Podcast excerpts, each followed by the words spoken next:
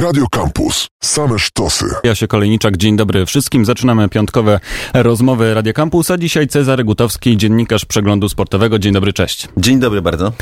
Jesteś specjalistą od Formuły 1 i wszystkiego, co tak naprawdę z motosportem i ściganiem się po torze związane, a, totalnym specjalistą. Zanim przejdziemy do tego, kim w ogóle jesteś i żebyśmy trochę weszli w twoją karierę, to dlaczego Formuła 1 i generalnie sporty motorowe nie są tak popularne w Polsce jak piłka nożna?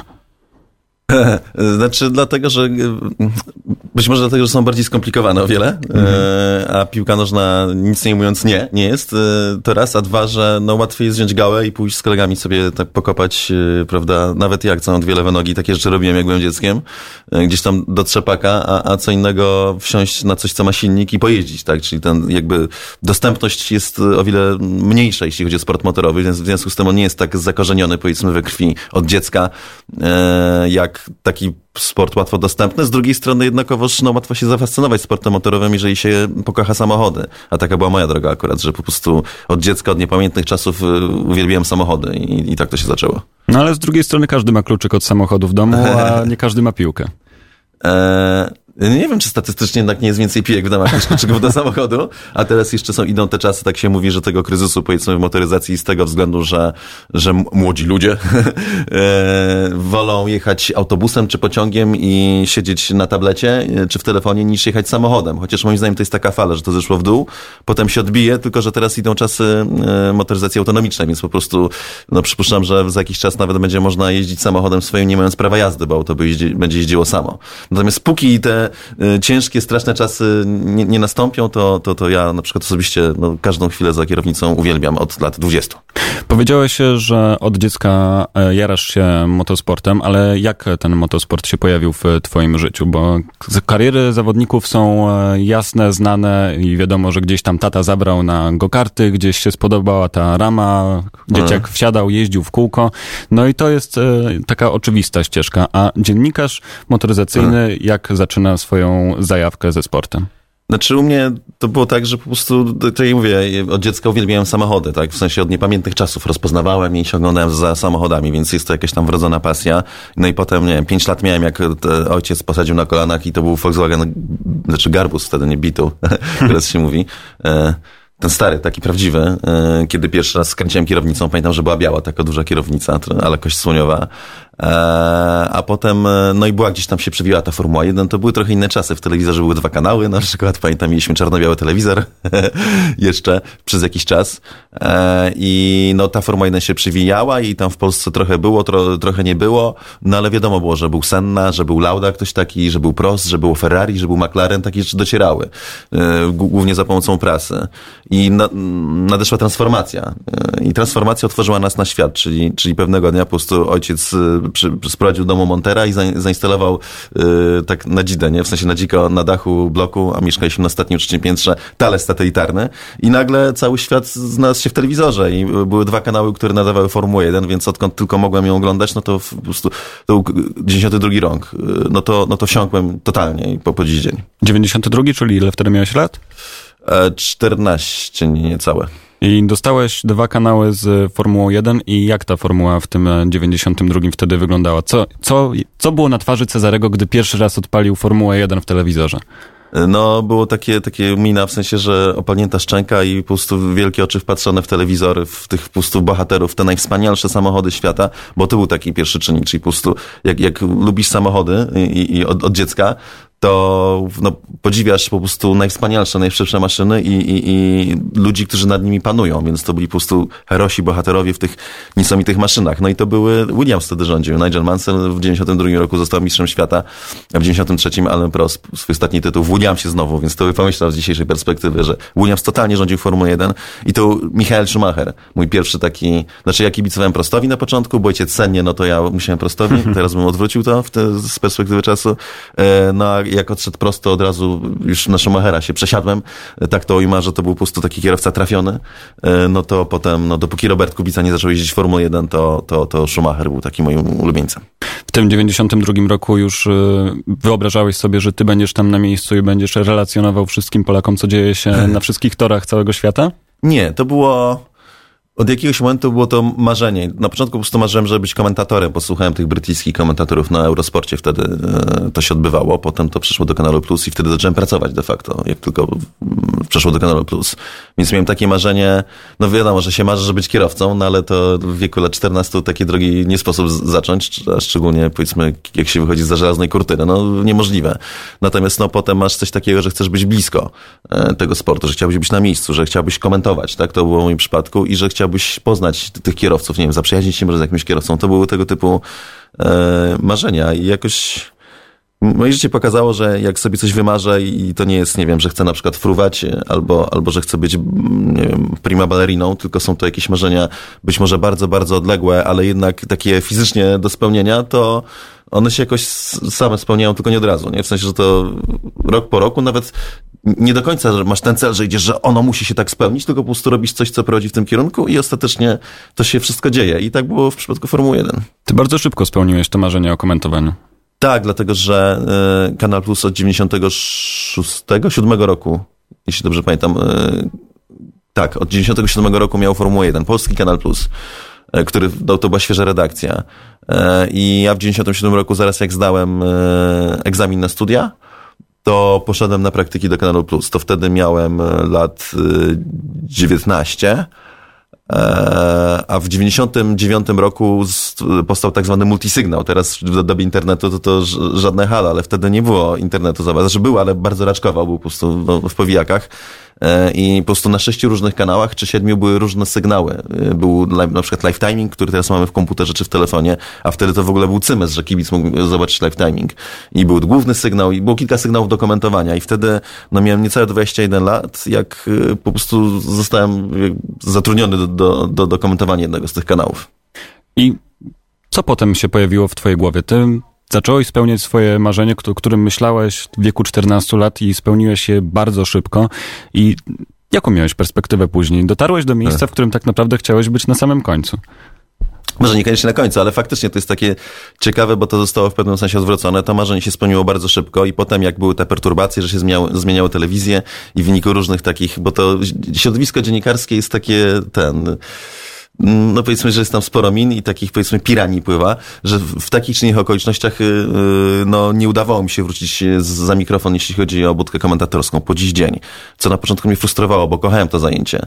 E, natomiast y, to znowu taka prawidłowość życia, że dzięki temu to wszystko mnie kierowało na takie inne tory, po prostu robiłem przy Formule 1 inne rzeczy, dziennikarsko i przy samochodach też zwykłych i ostatecznie to też jest fajna taka na, na, nauka życiowa, że jeżeli za bardzo się nie, nafiksu, nie, nie zafiksujesz na jednej rzeczy i pozwolisz y, czemuś, żeby ci się nie udało, co wymarzyłeś, jak tylko się otworzysz na rzeczy inne poboczne, to po prostu osiągasz jeszcze inne rzeczy i ostatecznie za każdym razem, kiedy coś mi się nie udawało i to przeżywałem, ale szedłem dalej, to no, robiłem rzeczy jeszcze fajniejsze i osiągałem jeszcze inne rzeczy. Typu na przykład, gdybym w danym momencie był komentatorem Formuły 1 na antenie tej telewizji, która to nadawała, to nie miałbym czasu, żeby jeździć na wyścigi Roberta Kubicy w kategoriach juniorskich. Nie widziałbym tej drogi jego do Formuły 1 w ogóle, więc nie przeżyłbym najwspanialszej przygody swojego życia zawodowego i tak naprawdę prywatnego. Więc to wszystko jakoś tak działa, że jak nie damy się e, udupić przez jedno, za przeproszeniem, przez jedno niepowodzenie, to można z tego wyciągnąć dużo więcej, po prostu idąc ogólnie w tym kierunku, w którym się chce, realizując pasję.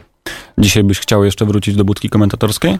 Dzisiaj zupełnie nie mam takiego ciśnienia, mógłbym, ale y, nie jest to coś y, takiego, to, tak jak kiedyś, że bardzo chciałem i mnie, mnie pociągało, tak teraz mówiąc szczerze, e, jako że no, no, dzięki temu kiedyś człowiek był uzależniony od tych telewizji, czyli no ja, ja pracowałem oczywiście w przeglądzie sportowym całe życie, no ale internet nie funkcjonował, nie było social mediów, więc jak chciałeś być tak ogólnie, mieć jak najszersze jakby pole rażenia jako twórca, dziennikarz, no to musiałeś być w telewizji.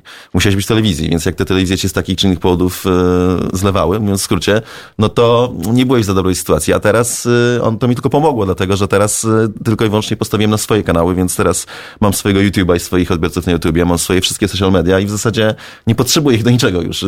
Realizuję się po prostu no, dzięki e, internetowi, tak, dzięki rozwojowi komunikacji. Kanał Plus i komentatorka to było e, pierwsze ze spełnionych marzeń, ale na stronie przeglądu sportowego w twoim bio jest napisane, że od początku byłeś związany już jako nastolatek z przeglądem sportowym, z którym jesteś związany do dzisiaj. Ta historia trwa faktycznie już te no, prawie 30 lat z przeglądem sportowym? Od urodzenia de facto, dlatego że e, moja mama pracowała e, w przeglądzie sportowym, tylko nie jako dziennikarka. E, w zasadzie jeszcze zanim się urodziłem, więc ja po tej redakcji biegałem od dziecka. Potem, pamiętam, jeździłem do mamy, jak tam miałem już 8 lat. E, autobusem 163, nawet pamiętam numer, się jeździło, czasami się biegało po tej redakcji. Posłuchowałem się pośród tych dziennikarzy, ale nigdy nie chciałem być dziennikarzem.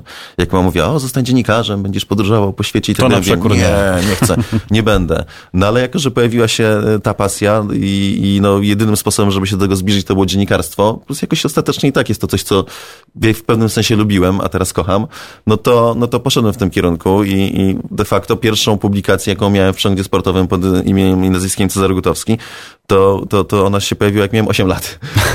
Więc y, jestem I o czym to było? To było, e, było coś takiego jak bieg wolski e, i przegląd sportowy.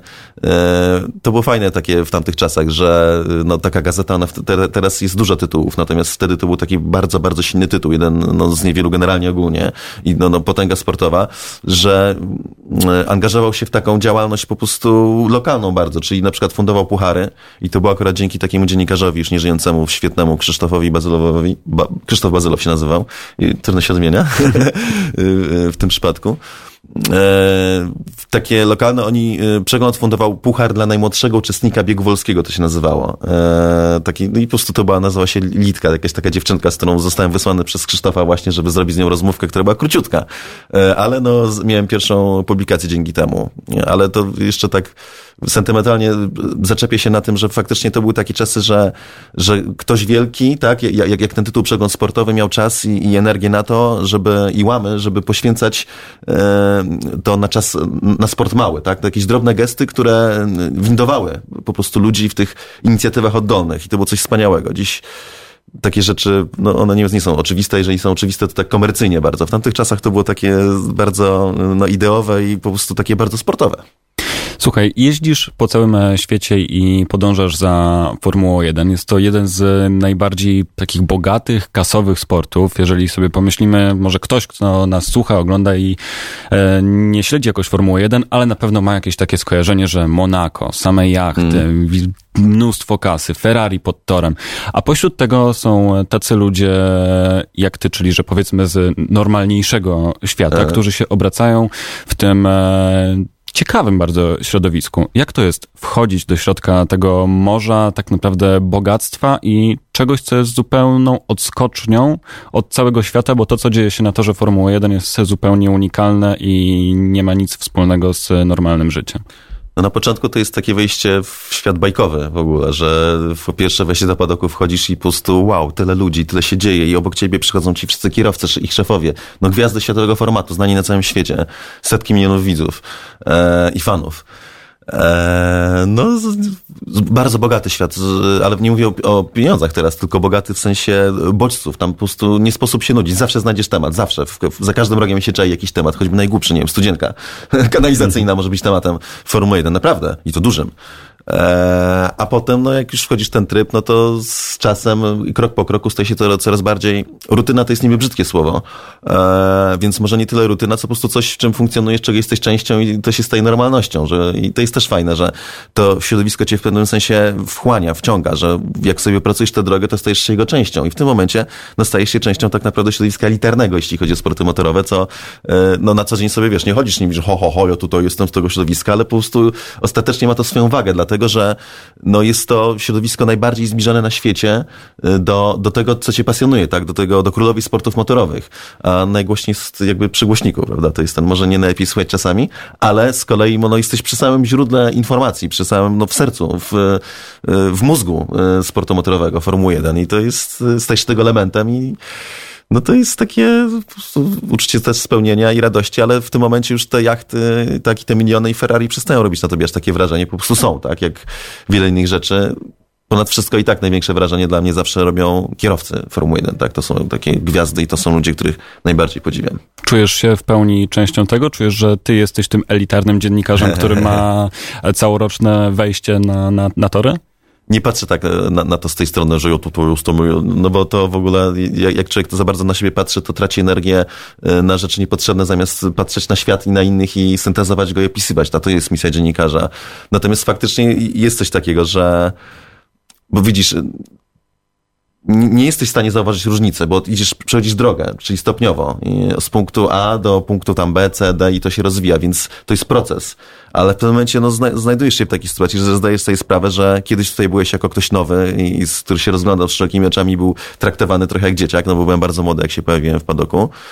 Eee, a nagle jesteś po prostu no, częścią no, takiej może jeszcze nie starej gwardii, szczęśliwie jeszcze tak źle nie jest, ale jednak już takim po prostu no, stałym człowiekiem w padoku, którego po prostu wszyscy poznają, tak, ty co, co, co lubisz, e, to się z tobą witają i ty się z nim witasz i po prostu jesteś no, częścią takiej Formuły 1, takiej jej centrum tej Formuły 1. Cezary Gutowski z Przeglądu Sportowego cały czas jest e, naszym e, gościem.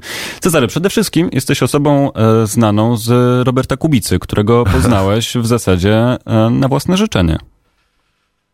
O, jak to ująłeś, znaną z Roberta No, w Polsce generalnie e, pytając różnych moich znajomych e, o ciebie, to pierwsze skojarzenie, jakie przychodzi na myśl, to e, Robert Kubica. No wynika ono z tego prawdopodobnie, że, że no, jeśli chodzi o taką ciągłość, no to jestem dziennikarzem, który najwcześniej się zainteresował i który jakby nieodmiennie, jedynym, który nieodmiennie zawsze tą drogą Roberta podążał. Stąd też mam na przykład super kolekcję niepowtarzalną e, zdjęć Roberta 2002 roku, ze wszystkiego, w czym startował tak naprawdę po, e, po dziś dzień. Pytałeś o to, jak to się... Że na własne życzenie poznałeś Roberta. Tak, tak, bo to było coś takiego, to było też ciekawe. No byłem już komentatorem Kanalu Plus, y, miałem dobre recenzje, wiedziałem, że, że, no, że temat ogarniam jak na Polskę dobrze i, i ten, ten dostęp do tego tematu robiłem to z pasji.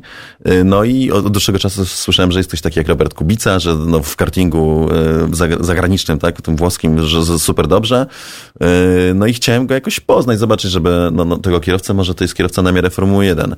E, potem przyszedł do kategorii juniorskich Robert i te sezony były, nagle się okazało, że po przejściu z go-kartów do bolidów to jest zupełnie inny świat, że jest o wiele ciężej i nie mam na myśli kwestii sportowych, tylko bardziej takie układowo-polityczne, bo tak to wygląda po prostu w e, motorsporcie i po prostu uważam, byłem takim dziennikarzem młodym, już spełnionym komentatorem, wydawało mi się, że wiem o motorsporcie prawie wszystko, nie wiedziałem prawie nic, ale to tak się potem człowiek tak, im więcej wiem, tym bardziej wiem, że nic nie wiem mm. na, na, na tej zasadzie.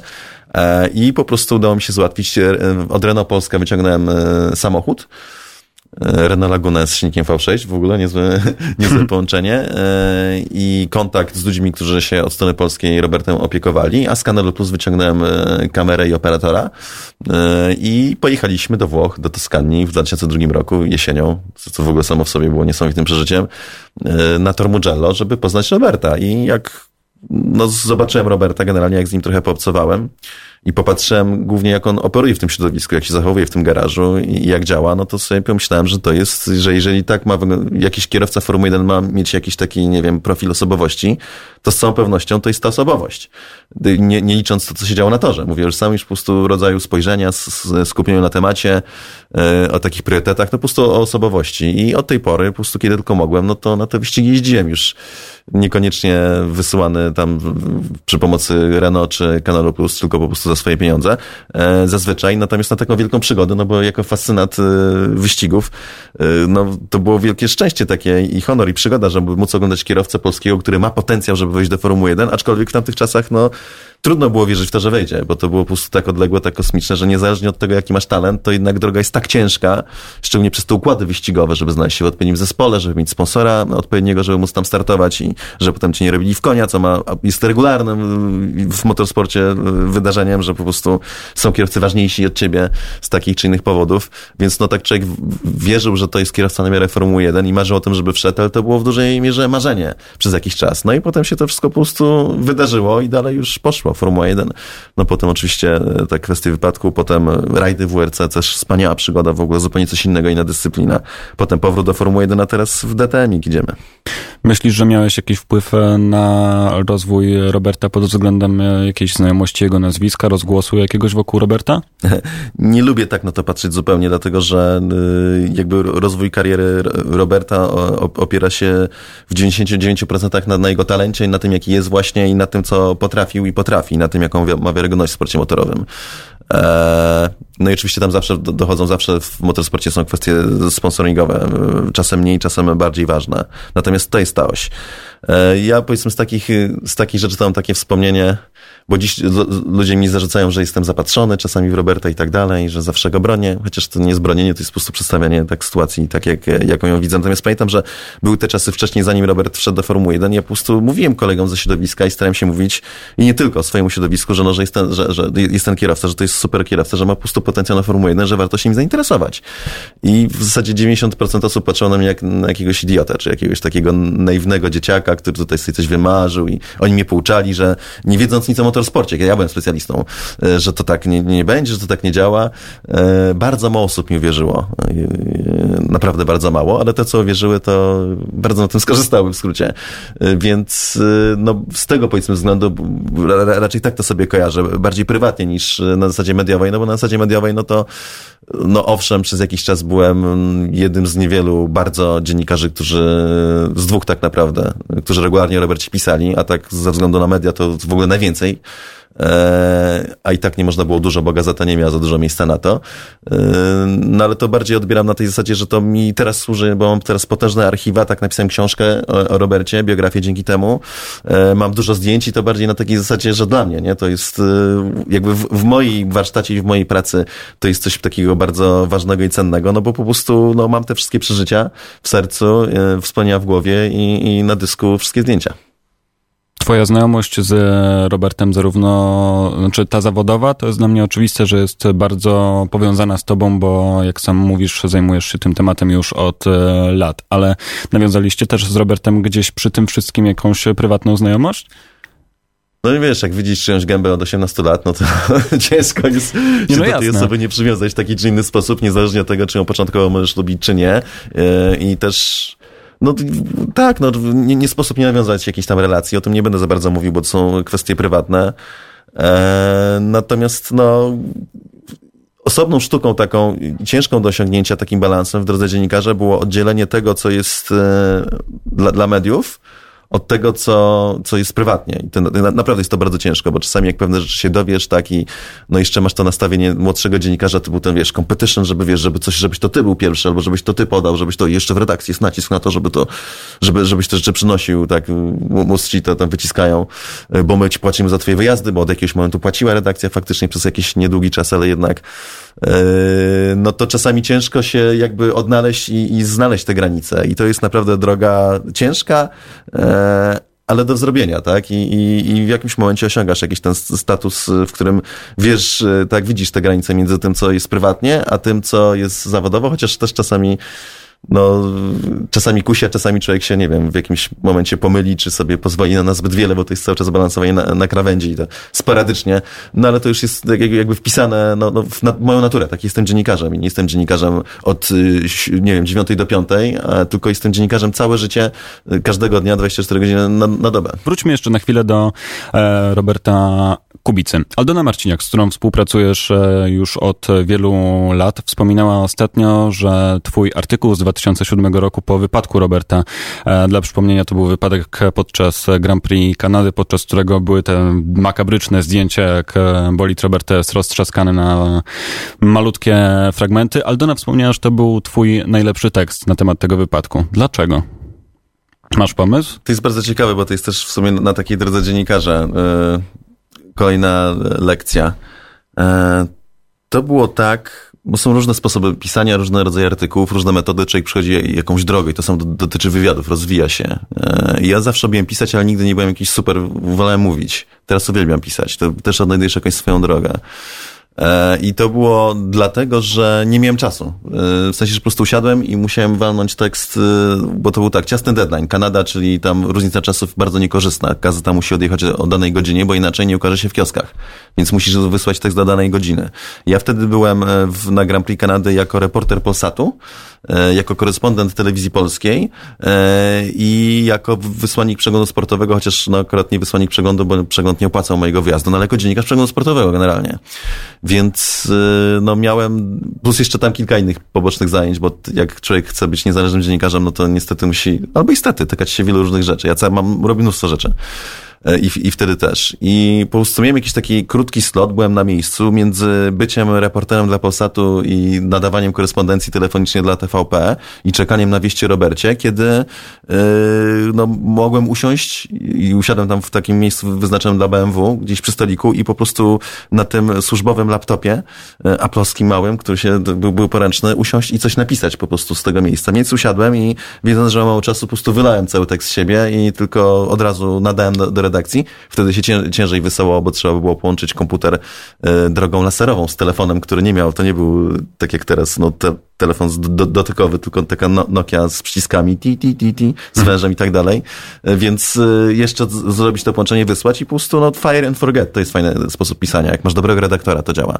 Czyli wypisujesz, tak, masz coś do napisania szybko, piszesz to szybciutko e, i fire, wysyłasz w świat i forget, bo resztę przejmuje redaktor, co z, z Aldoną było, no, z Aldoną super się pracuje dzięki temu, że ona to jest po prostu człowiek, któremu mogę zaufać. Wiem, że jak ja coś tam walnę jakiegoś lapsusa, bo, bo to się zdarza, jak piszesz szybko szczególnie, a nawet jak piszesz wolniej, to ciężko jest, ciężko jest wyłapać własne błędy. To wiem, że jest ktoś, kto to sprawdzi i wyłapie.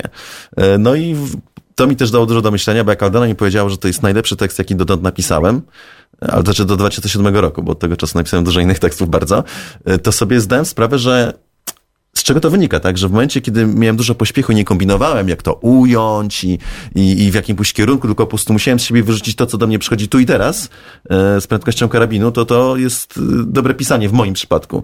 I no teraz potrafię pisać wolno, całkiem nieźle i, i, i szybko, ale fakt jest taki, i to już się nauczyłem w social mediach, jak zacząłem pisać na Facebooku dużo, że najlepsze teksty powstają w momencie, kiedy ty po prostu musisz usiąść przy klawiaturze i coś napisać, że to w, tobie siedzi. I to jest ten jeden, jedyny moment, żeby ten tekst powstał. Jak powiesz sobie, nie, no to już napiszę później, przełożę to, to nigdy nie będzie tak dobre.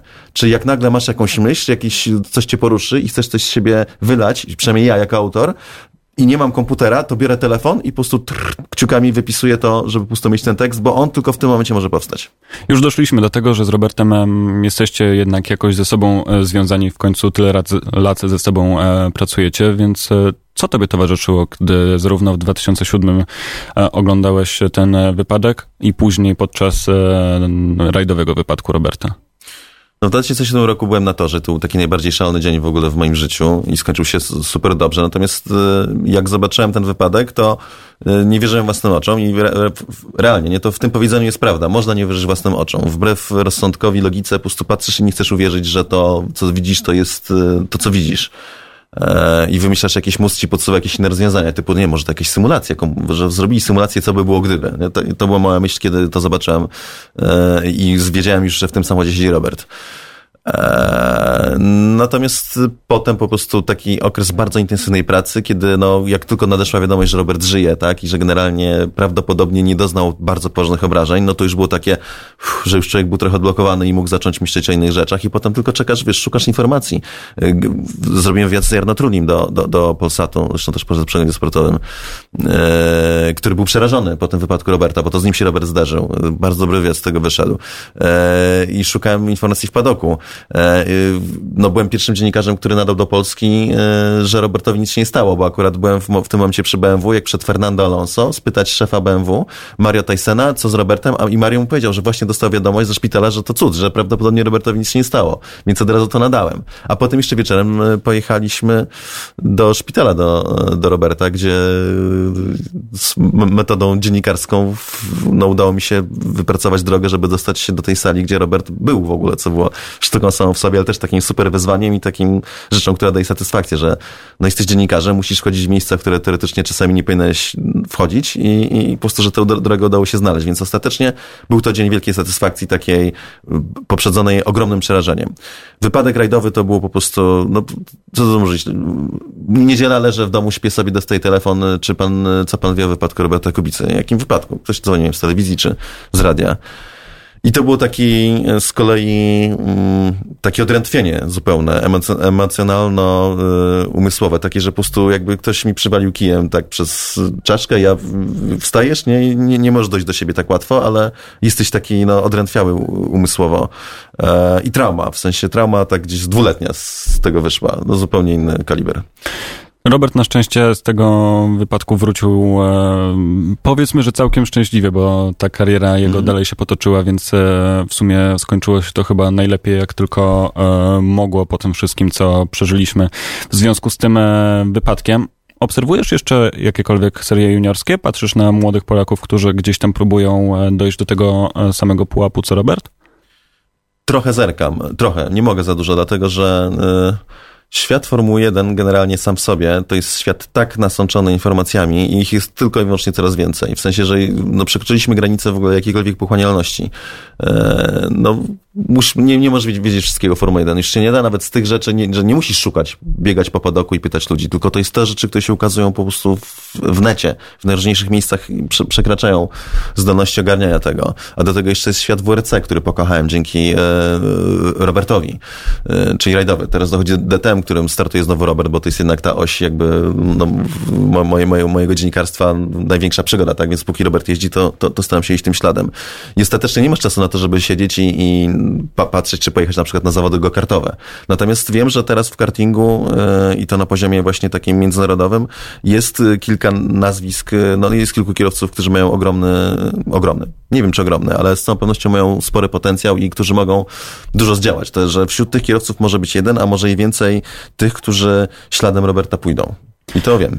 Orlen teraz mocno wspiera Roberta i z tego, co obserwujemy, wydaje się, że gdzieś ten plan jest bardziej długodystansowy. Myślisz, że e, w końcu w Polsce będzie chociaż odrobinę łatwiej gdzieś przebić e, głową ten sufit, który jest, co jest potrzebne po prostu do, do, do wejścia do tego bardziej elitarnego świata, bo za czasów Roberta to było arcytrudne, żeby wejść do Formuły 1. Teraz jesteśmy w innych czasach, ale wydaje mi się, że ta sytuacja się wcale nie zmieniła i w dalszym ciągu to jest mega trudne, żeby znaleźć się w tym bardzo zamkniętym środowisku.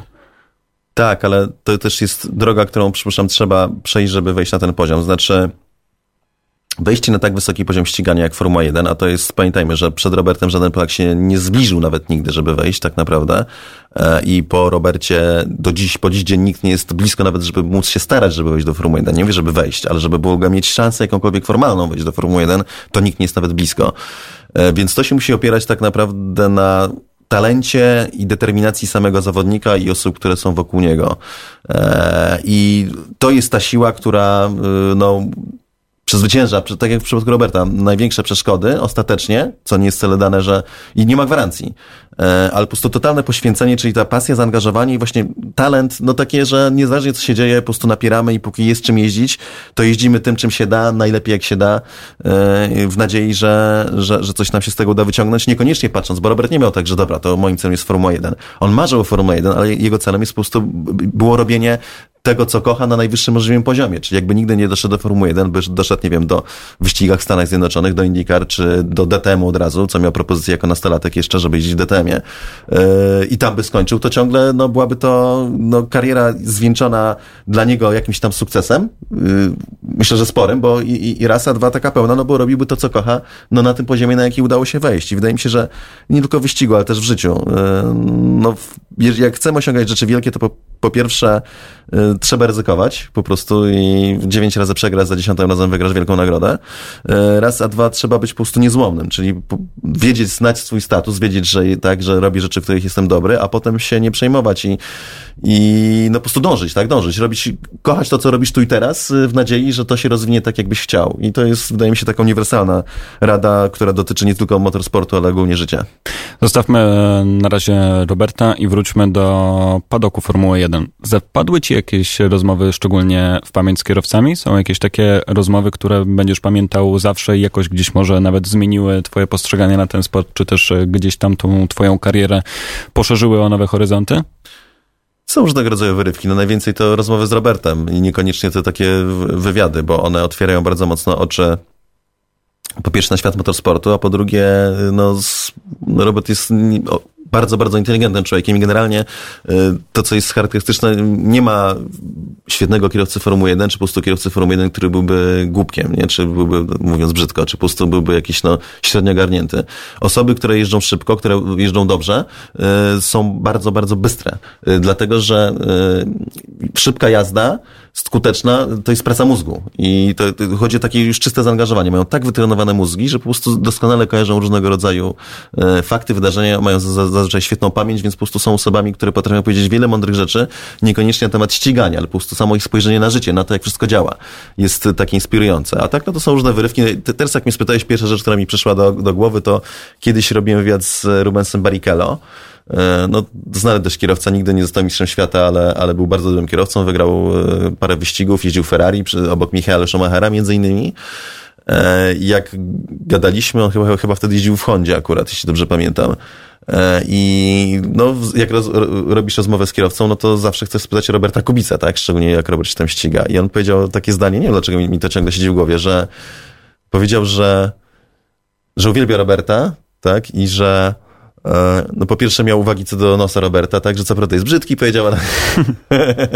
E, I powiedział, że E, Robert jest bardzo dobrym człowiekiem, że coś, co ja zresztą wiedziałem, ale to Robert ma taką, teraz już mniej, ale wtedy miał taką bardzo twardą skorupę. No bo trzeba, jeszcze jak się idzie taką drogą. I mówi, że on po prostu, że my tu Forum 1 musimy się obudowywać tą zbroją, bo to jest bardzo ciężki świat, bardzo twardy i że musimy się chronić w ten sposób, ale tak naprawdę pod tą zbroją, pod tą skorupą Roberta bije takie szczere, e, dobre serce. I sam, w ogóle samo ujęcie tematu, moment, w którym to nastąpiło. I pamiętam, że staliśmy pod motorhomem, yy, czyli tam miejscem, gdzie tam zespoły mają swoje takie bazy na torze, gdzie tam jest catering i biura, pokoje dla kierowców. One są przewoźne. Stoimy, pamiętam, jakie było słońce, jakie było światło, pamiętam minę Rubensa, jak tam stoi i mówi o tych rzeczach i jak, nie wiem, jakoś mi to tak Trudno mi wytłumaczyć racjonalnie, dlaczego akurat ten cytat i w tym momencie, ale, ale, ale no, takie momenty, takie chwile, to są, mówię, różnego rodzaju inspiracje na różne tematy, można było wymieniać jeszcze dużo. Czyli tak naprawdę jakieś prywatne wtrącenia najwięcej ci gdzieś tam w głowie zapadły? Ostatecznie, faktycznie tak. Takie, yy, nawet nie chodzi o jakieś kwestie sytuacyjne, tak, że ktoś ci opowiada, co się działo wtedy i wtedy, bo to są rzeczy zabawne, tylko jakieś takie dotyczące czy procesów, czy osobowości, po prostu, czy takie, no, serdeczna opinia jednego świetnego kierowcy na temat innego świetnego kierowcy, podczas na to, że są rywalami i walczą, no, tak naprawdę na śmierć i życie, dlatego, że, znaczy nie chodzi o to, żeby jeden drugiego zabił, ale chodzi o to, że jakikolwiek błąd podczas jazdy samochodem, czy wyścigiem, czy rajdowym może się skończyć utratą zdrowia lub życia. Dlatego też to jest tak wyjątkowy sport, dlatego oni są gladiatorami. Teraz to może tak wygląda, że, że faktycznie to wypada przy 230, tak gdzieś tam odbija się od ściany i wychodzi z samochodu, otrzepie się i wyjdzie, ale każdy taki wypadek jest potencjalnie śmiertelny i to trzeba mieć zawsze z tyłu głowy. Zaczęliśmy tę rozmowę od e, pytania dlaczego piłka nożna jest bardziej popularna niż e, motosport i Formuła 1 w Polsce. Teraz chciałbym to trochę odwrócić i zapytać się ciebie, co musiałoby się wydarzyć, albo w jaki sposób to musiałoby się wydarzyć, żeby w Polsce zwiększyła się świadomość na temat Formuły 1, motosportu i żeby gdzieś tam przebić ten próg wejścia, który jest bardzo wysoki do, do motosportu i gdzieś tam tą fascynację polskimi zawodnikami, których jest pełno na bardzo wysokim poziomie z talentem, żeby ludzie zaczęli dostrzegać także ten sport, w którym mamy sukcesy, a o których się gdzieś nie wspomina. Polski kierowca może nie powiem, że o talencie Roberta Kubicy, dlatego że mielibyśmy niebywałe szczęście, gdyby nam się trafił kolejny kierowca o tak wielkim talencie. I to nie chodzi tylko o talent czysty, ale też i nastawienie mentalne, e, o umysł. E, więc kierowca, który powiedzmy jest do tego zbliżony i ma szczęście Sebastiana Vettela lub Louisa Hamiltona. I wtedy, e, no wtedy mamy po prostu znowu tę osobę, która ciągnie temat, która jest tym liderem. E, natomiast to jest też interesujące, dlatego że no mówi się, że Formuła 1 to jest temat niszowy. Jest to temat przez no, wiele redakcji był niedoceniany. Już nie będę wymieniał. A jednak jakby mój przykład mojej kariery takiej zawodowej już jako dziennikarza niezależnego, tak to ujmijmy, pokazuje, że to jest niby nisza, jest bardzo wdzięczna, bardzo duża i yy, no, ludzie, którzy się interesują Formułą 1 tak naprawdę, to są zazwyczaj ludzie, elity w pewnym sensie, to są ludzie inteligentni, to są ludzie ogarnięci, bystrzy, może nie wszyscy pokończyli uniwersytety, by to niemożliwe, ale no żeby siedzieć w tym sporcie, rozumieć go i się nim interesować, to trzeba mieć w głowie dobrze poukładane, więc niby nisza, ale wcale nie mała, ludzi zaangażowanych i co więcej ludzi, którzy w życiu coś osiągną albo już osiągnęli. Najbliższy weekend Grand Prix w Silverstone po raz e, kolejny. Jak byś zachęcił naszych słuchaczy do tego, żeby gdzieś tam włączyli sobie transmisję i gdzieś weszli do, do tego świata? Nie ma na to łatwej metody. Wejdźcie na mojego vloga. Dostaję dużo opinii, one są super, że ludzi, którzy na przykład przestali oglądać i wrócili, a, a czasami nawet osób, które nie interesowały się, ale ktoś tam obok nich oglądał, nie wiem, czy to kumpel z pokoju w, w akademiku, e, czy, czy, czy jakąś inną drogą i po prostu się wkręcili tylko dlatego, że o tym opowiadałem. Więc to jest całkiem może niezła metoda, dlatego że ja staram się pokazywać ten sport, owszem, swoimi oczami subiektywnie, bo obiektywnie ciężko, prawda? Opinia musi być subiektywna. Natomiast w jakiś taki sposób, który, jak mi mówią, jest bardzo obrazowy i taki daje jakiś rodzaj spojrzenia. E, raz, a dwa, e, no trzeba sobie, fajnie znaleźć sobie jakiegoś takiego idola, faworyta, czyli kogoś, kogo polubimy. Te, przypuszczam, że jeśli chodzi o młodszych słuchaczy, Lando Norris jest przekolesiem, jest świetnym kierowcą, więc na przykład sobie popatrzeć na niego, co on robi na socialu, e, parę urywków takich komunikacyjnych rzeczy, jakie robił, czy to z Twitcha, czy to właśnie na, na kanałach Formuły 1 i popatrzeć, jak on jeździ i to jest na przykład taki fajny człowiek, żeby się zaczepić wokół niego i śledzić Formułę 1 i, i jej kibicować. Cezary Gutowski, przegląd sportowy był gościem rozmów Radia Campus. Tak jak Cezary wspominał, na wszystkich socialach go znajdziecie i zachęcam do tego, żeby gdzieś tam do tego świata Formuły 1 zawitać. Ja się Kolejniczak, dziękuję bardzo za ostatnią godzinę. Radio Campus. Same sztosy.